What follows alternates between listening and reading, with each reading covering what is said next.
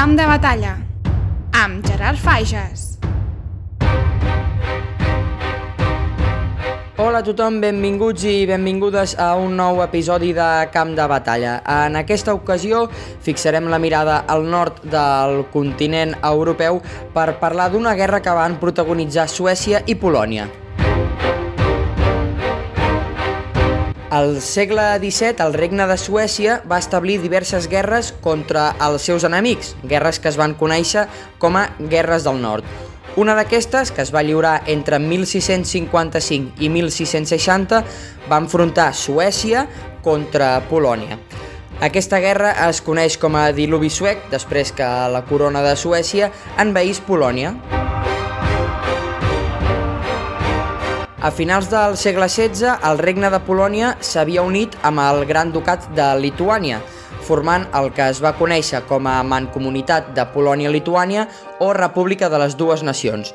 Aquesta República de les Dues Nacions, tot i tenir el concepte de república, comptava amb un màxim mandatari que era rei de Polònia i gran duc de Lituània.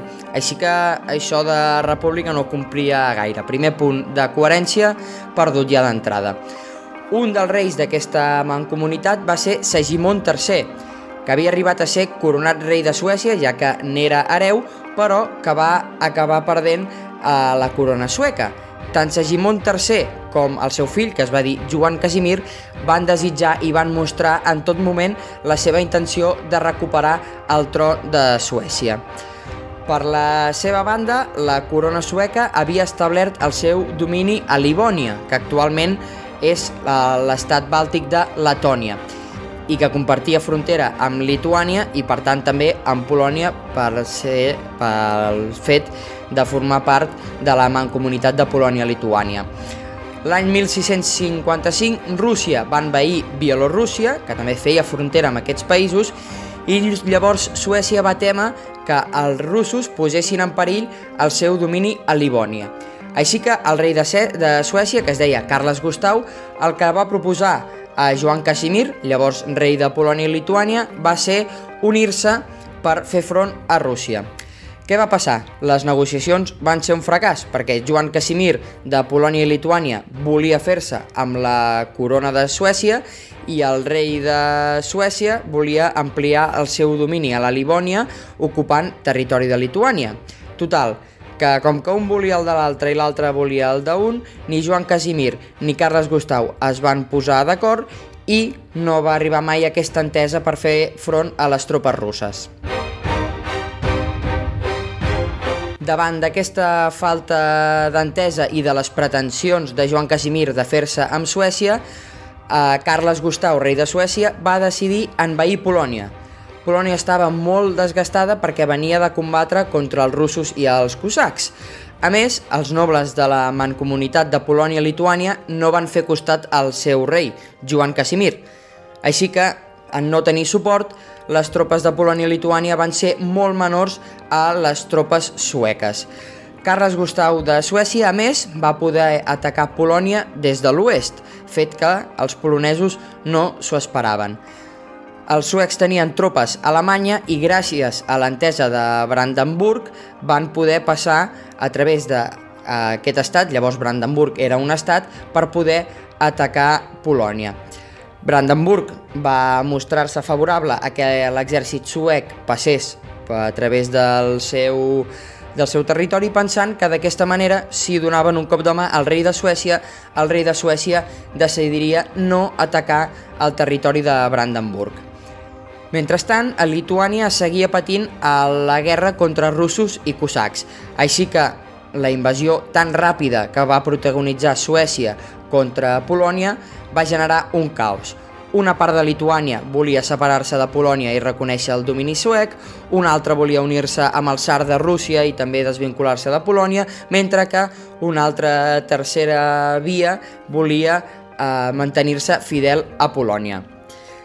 Suècia va aconseguir ocupar gairebé tota Polònia i Lituània en un any, però a partir de 1656, ja havent ocupat Polònia i Lituània sense poder exercir un domini aclaparador, van començar a produir-se revoltes contra els suecs.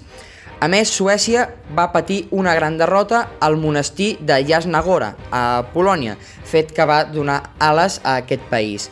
Fins llavors, la invasió sueca havia deixat molt desgastada i empobrida tant Polònia com Lituània, però la victòria de Jasnagora va ser aire nou pels polonesos i lituans i els suecs es van eh, veure obligats a negociar tot i mantenir el seu domini al país.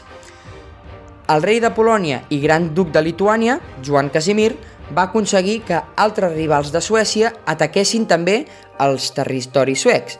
Fins i tot Brandenburg, que primer s'havia aliat amb Carles Gustau de Suècia, es va unir a Polònia al, 1657. A què es va deure aquest canvi de mentalitat de Brandenburg de primer mostrar-se fidel a Suècia i després aliar-se amb Polònia? doncs que Joan Casimir de Polònia va decidir que cediria, cediria el ducat de Prússia a Brandenburg.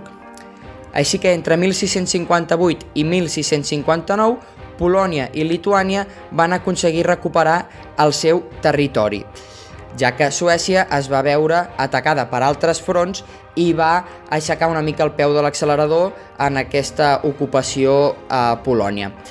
Finalment, i gràcies a la mediació de França, que a qualsevol tractat de pau durant aquestes èpoques segle XVII-XVIII ens trobem sempre a França, doncs Suècia i Polònia van aconseguir tractar van aconseguir signar un tractat de pau al 1660, posant fi així al diluvi suec i a l'ocupació sueca de Polònia i Lituània. La principal conseqüència del Tractat de Pau entre Suècia i Polònia va ser que Joan Casimir, recordem rei de Polònia, va decidir renunciar definitivament al seu desig de fer-se amb la corona sueca. A més, Polònia va reconèixer la independència de Brandenburg i el ducat de Prússia, que va cedir el ducat de Prússia a Brandenburg després que aquest últim els ajudés en la seva guerra contra Suècia. Brandenburg i Prússia havien estat eh, províncies independents però feudals i dominades per Polònia. D'alguna manera, tot i ser independents, devien una mica de fidelitat a Polònia.